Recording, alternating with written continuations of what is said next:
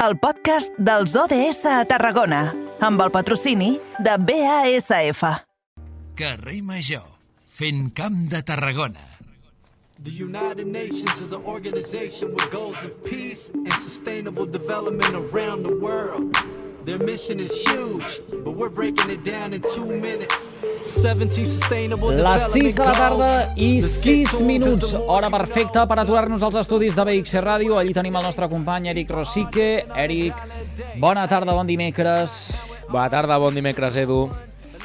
Escolta, cursa de fons al 2030. Tu t'imagines? sí. Si ara, si ara comencéssim a, a, a, a fer una cursa, però literalment una cursa, eh? Vull dir, de, allò de amb el tret de sortida, eh? Uh, I no ens ensenyessin la bandera de quadres fins al 2030, tu, tu, com arribaríem de cansats, d'esgotats, dessuats, Com tu diràs, eh? Tu diràs, aquesta cursa de fons que no s'atura el 2030, veurem si arribem amb tots els deures fets o encara queden qüestions pendents. Ai, ai, ai, ai, ai, ai. En tot cas, uh, mentrestant nosaltres el que farem serà mm, petites passes per el 2030 arribar amb tant com sigui possible uh, havent assolit ja. Avui agafem l'objectiu de desenvolupament sostenible número 13. Diu, acció pel clima. Exacte, Edu, perquè aquesta setmana és la Setmana Internacional del Compost i també es celebra aquest cap de setmana el Let's Clean Up Europe, una iniciativa que es farà arreu del territori per recollir residus al nostre entorn natural. S'han preparat moltes iniciatives al Camp de Tarragona, aquí a la ciutat de Tarragona, a Reus, a, a Montroig del Camp, a moltíssims, moltíssims uh, municipis del nostre territori aquest cap de setmana i anirem a conèixer què es farà, uh, per exemple, a la ciutat de Tarragona aquest cap de setmana. Coincideix també al Dia d'Europa, eh, que serà aquest proper 10 de maig, i també d'aquesta importància de preservar els entorns naturals com boscos, platges i marges de rius, entre d'altres. Per parlar de tot plegat, avui hem convidat a la Edel Martínez, que ja és membre del Camp Residu Zero. Edel, benvinguda, bona tarda. Un cop més siguis al carrer Major de les ràdios de la xarxa del Camp de Tarragona. Bona tarda, què tal, quant de temps? Sí, tant. Ja feia temps ja que, que no convidaven a, a la Edel. Uh, ara, Edel, doncs en un moment perfecte, no?, uh, en què s'estan fent aquests preparatius uh, del Camp Residu Zero en aquesta setmana, en aquesta iniciativa Let's Clan Europe, que és, és molt important per vosaltres. Doncs sí, és molt important, però perquè nosaltres eh, estem assessorant, que és bo, perquè tampoc és molt complicada la tasca que fem nosaltres, no? però sí que és veritat que és una acció que nosaltres fem una vegada al mes, o intentem fer-la, però sí que molta gent, moltes altres associacions, centres educatius, eh, ajuntaments, estan organitzant aquestes recollides que nosaltres això portem temps ja a fer-les. Així que estem supercontents perquè, a part de nosaltres, molta altra gent es consciencia i ajuda a conscienciar. Escolta una cosa, Edel, i com és que, malgrat portar tant de temps fent aquestes recollides, siguin en el marc del Let's Clean Up Europe o siguin en el marc, no sé, recordo que, per exemple, aquí al, al, al, al meu entorn, a la zona d'Altafulla Baix Gaià, hi havia una que es deia Fem dissabte, per, per, per, això, no?, pel símil de que els dissabtes normalment, eh, o, o molta gent aprofita per fer neteja i endreçar la casa. En aquest cas, deia Fem dissabte i consistia això, tot el que era l'entorn fluvial del riu Gaià o la muntanya de Sant Antoni, que, que tenim aquí a Altafulla, doncs eh, fomentar aquesta, aquesta neteja, fer pedagogia, moltes famílies. Com és que, malgrat fa tants anys i en tantes ocasions eh, al llarg de, de, de l'any sortim a fer activitats d'aquest tipus, seguim tenint uns entorns naturals tan bruts?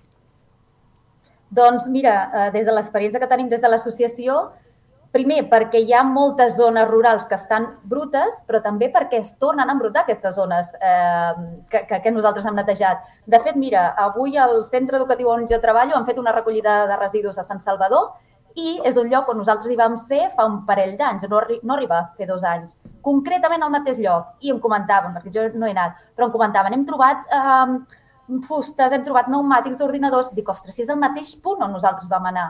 Vull dir que, primer perquè hi ha molta brossa a tot arreu i després perquè es torna a embrutar. Així que és, és greu, és greu i a més fa molta llàstima que és una zona que tu has deixat superneta i que torni, que torni i que, que la gent sigui tan inconscient de, de, de llançar coses impensables. Que no estem Potser parlant de petits plas- plastiquets, sinó neveres, mobles, runa, etc etc. Potser l'entorn d'aquestes eh, xarxes de, de camins o de vies més transitades és on hi ha més brutícia o més porqueria o, o, o, o on s'és eh, més eh, porc per part de la ciutadania, no sé, eh? Mm, Ara estic visualitzant algun dia que he anat caminant fins a, des d'Altafulla fins a la zona de la Pedrera del Mèdol o, o, o Sant Simplici, mm, que conflueixen l'autopista, la, la, eh, la Nacional 340 antiga, la 7 amb rotondes, i, aquest, i, i, i realment eh, eh, fa fàstic eh, veure la, la de quantitat de deixalles que hi arriba a l'entorn. Sí, normalment és a les zones eh, del voltant de grans ciutats, bueno, grans ciutats, ciutats com Tarragona, Reus, almenys és la zona que nosaltres coneixem. Sí que al voltant de poblets no tant, potser perquè la gent es coneix més i, i li sap més greu embrutar o si algú veu alguna cosa, suposo, suposo que ho denuncia. Però sí que al voltant de Reus, Tarragona, eh, polígons, voltants de polígons també està horrible i com deies, no? a les carreteres, eh, a la zona del Mèdol, que és on vam anar en col·laboració de Radio Ciutat Tarragona, vam anar allà i, i estava horrible també i segurament torna a estar-ho. Des del cotxe també es llença moltes coses i si us fixeu que la gent que està relacionada amb aquesta recollida sempre ens fixem tot això en, en petits detalls i sempre, sempre als voltants de les, al costat de les carreteres està brutíssim. És una zona que sí que els propietaris d'aquestes carreteres haurien d'anar recollint i posar mesures perquè no es torni a llançar, però depèn de quines carreteres no, no, no es neteja tant o torna a embrutar-se molt, justament després d'haver-ho netejat. És, és una feina contínua, que no s'acaba. Mm -hmm. És aquesta la, la solució, Edel, perquè és el que has explicat, no? És un cop al mes que hi aneu i tot i anar als mateixos jocs us ho trobeu, ho diem molt, no? De la conscienciació, de prendre consciència i de més, però com es fa? Perquè al final és això, torneu a aquell mateix entorn i, i torna a haver aquesta problemàtica. Um, aquesta pregunta ens l'han fet moltes vegades i si tingués la resposta te la donaria, però a veure, nosaltres, òbviament, optem per l'educació, conscienciació, i el que fem nosaltres no és netejar per deixar-ho net només, sinó per conscienciar, educar, veure tota aquesta brossa junta, perquè quan la veus desperdigada potser no sembla tant, no? però després quan la ajuntes i comparteixes en xarxes socials, amb, amb, amb diferents mitjans de comunicació, la gent potser s'impacta, no? Però també, i jo personalment parlo com a Edel, eh, estic molt a favor de les multes, que al final és el que fa reaccionar la gent que no es vol conscienciar o la que no està conscienciada. Uh, per això les administracions estan fent molt, almenys aquí a Tarragona, eh? però haurien de posar encara més control. És difícil perquè sí que és fàcil potser controlar la ciutat, però els de fora de la ciutat ja, clar, no es pot posar càmeres a tot arreu, no es pot posar guàrdies eh, patrullant tot als voltants. És, és, és complicat, eh? però no impossible. Sí que hem de seguir amb l'educació, però també hauria d'haver una, alguna altra acció a part, mm -hmm. o moltes accions. I, I la feu, eh, Edel, no, no sé si us correspon a altres, eh? o, o, o això és més ja cosa de l'administració, però la tasca de mirar de quin tipus de deixalla es tracta i qui sap si poder fins i tot arribar a, a enganxar els infractors o, o, o els que han fet aquell abocament. Uh, penso en allò que mm, passa mm, algunes vegades i, i de les que després se'n fa ressò l'administració pertinent, no? Normalment ajuntaments que és que es posen a remenar i sempre acaba sortint un paperet on hi ha el nom d'algú. I sí, és que aquesta gent fil... que ho fa normalment no és massa intel·ligent i al final dona pistes de, de, de qui ho ha fet, no? Uh, nosaltres sempre uh, animem a la gent des de les xarxes socials a que denunciïn uh, perquè vinguin a, a mirar a veure si han donat pistes, sigui una empresa o sigui un particular. Uh, I també denunciem les empreses que fabriquen aquests objectes que s'acostumen a trobar. Uh, per exemple, conec alguna associació de, de com es diu, Catalunya, Catalunya Clean Up Challenge, que ha fet denúncia a Coca-Cola, si no si no m'equivoco, o a la fàbrica d'AM, perquè es troben molts refrescos, moltes llaunes de, de cervesa, de Coca-Cola, etc etc. I sí que no és culpa seva que acabin al, al medi natural, però sí que podrien posar mesures per evitar que arribi, tipus um, contenidors de retorn, val? que això ho estan fent alguns ajuntaments, però no de la millor manera, personalment, eh, crec. Mm, llavors, si posessin aquesta, aquests contenidors de retorn i que donessin alguns centimets, segur que no hi hauria cap llauna o ampolles de refrescos per, per ahí. Així que sempre es pot fer alguna cosa. No tots som els culpables a la gent de carrer, sinó administracions, empreses, hem d'anar una mica més enllà. Mm -hmm. Edel, endinsant-nos endinsant una miqueta en aquest Let's Clean Up Europe que es celebrarà tant a molts municipis com els que hem anomenat. Per exemple, també a Tarragona, aprofitant que és el dia d'Europa, de, s'ha ja més dies també. És a dir, que també es farà una plantada d'arbres, eh, es faran diverses accions. Cada cop, eh, clar, són més municipis que, que s'adhereixen per aquesta problemàtica, perquè no hauria de ser així, però cada cop estan veient aquesta necessitat no, de poder celebrar Let's Clean Up Europe, adherir obrir-se i, i poder recollir aquesta deixalla que al final són molts mm, quilos i fins i tot tones de, de deixalla que es recullen en aquestes iniciatives. Doncs sí, està molt bé eh, per això, per aquesta conscienciació que parlàvem abans, però també perquè la gent se senti seva la zona que han netejat. No? Per exemple, els centres educatius, a part de la tasca que han de fer per educar i que, que eduquin des de ben petits, des de ben joves, que, la, que els alumnes es sentin seva aquella, aquella zona, aquell parc, aquella, aquell bosc, perquè s'hi veuen si algú llença alguna brossa, doncs que, ostres, que, que s'enfadi, no? que, que això no està bé, que ho defensi. I, i bé, és que, és, que és, és impressionant. Jo abans, fa uns minutets, he consultat el mapa d'accions que hi haurà aquí a, a Catalunya, o a Tarragona concretament, i està saturat. O sigui, des de centres educatius, associacions, ajuntaments, és impressionant. Cada any hi ha més, així que, que està, estem supercontents de que hi hagi... Mm. bueno, per una part, és trist, perquè hi ha moltes zones per netejar, però contents almenys que hi ha una resposta de la, de la població.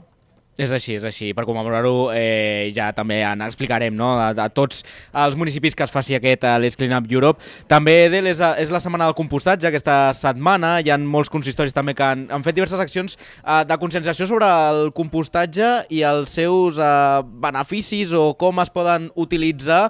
Explica'ns una mica um, com es, es pot utilitzar aquests beneficis i sobretot que és una cosa molt de casa nostra, de, de Catalunya, i que falta una mica de conscienciació arreu de l'Estat.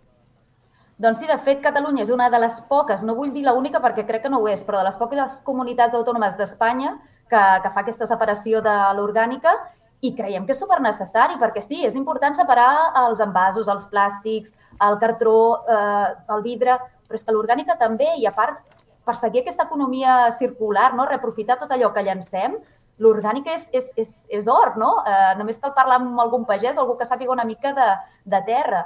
Uh, tota el, la matèria orgànica que llancem es pot aprofitar per fer un compost, per fer un adob que, que, que ostres, que és superimportant per, tornar, per donar qualitat al, al sol. I no només pels pagesos, sinó que nosaltres, si tenim plantetes a casa, li podem, uh, podem tenir fins i tot una compostera uh, urbana eh, que no fa gens de pudor, per cert. He sentit eh, comentaris de molta gent que en té i la gent pensa, oh, si jo tinc camp, sí, però al, al pis no, que, que si no fa pudor. I no, no, és molt fàcil tenir-la i les teves pròpies plantetes al balcó li pots donar aquest adob.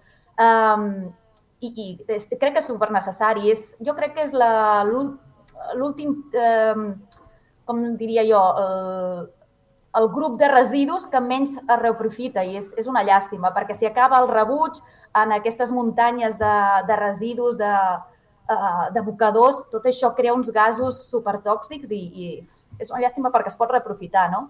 Així que, que s'ha de, de separar també mm. l'orgànic.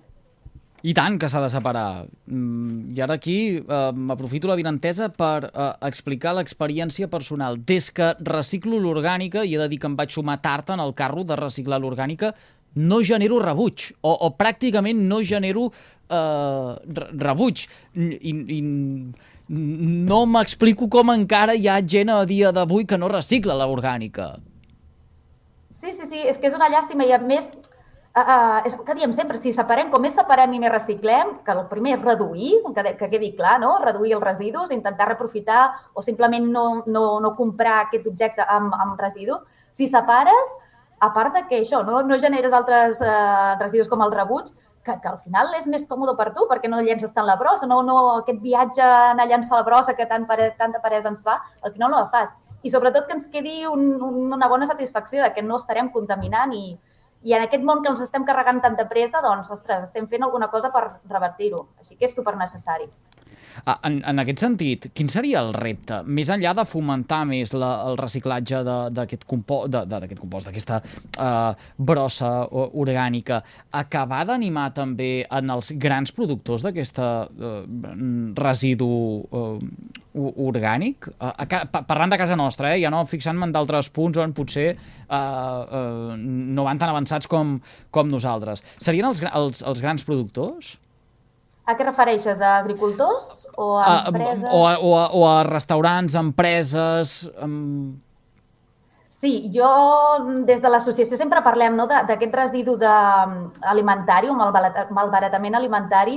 En cas que es faci malbé aquest menjar i ja no sigui aprofitable, que, que, que es, es separi aquest orgànic. Sí que s'ha de separar i s'ha de fer una campanya de, de tot tipus de reciclatge, no? Però de l'orgànic també, perquè en restaurants, en bars, es, tinc constància que es llença bastant no? de, de, del que la gent no, no acaba menjant o que es pugui fer malbé. Així que, sobretot, eh, aquesta, aquest sector hauria d'aprendre molt. No? I nosaltres també fer una mica de... Sembla que, que, la, que la gent de carrer no puguem fer eh, res més a part del que fem a casa, però fer una miqueta de pressió, no? Primer per que s'aprofiti aquest menjar que pot estar bo, no? que, que, que es caduca el dia però que pot estar bo, amb, amb diferents accions, tipus utilitzar l'aplicació de Too Good To Go, que jo sóc superfan d'aquesta aplicació, per aconseguir menjar que està a punt de llançar-se amb un preu super barat, eh, aconseguir també eh, comprar amb ofertes eh, d'aquestes de, de menjar que està a punt de caducar també, i si s'ha fet malbé, doncs llançar-ho al lloc on toca, no? Si no, és el que dèiem, que anirà a parar abocadors i allò contamina d'una manera desastrosa.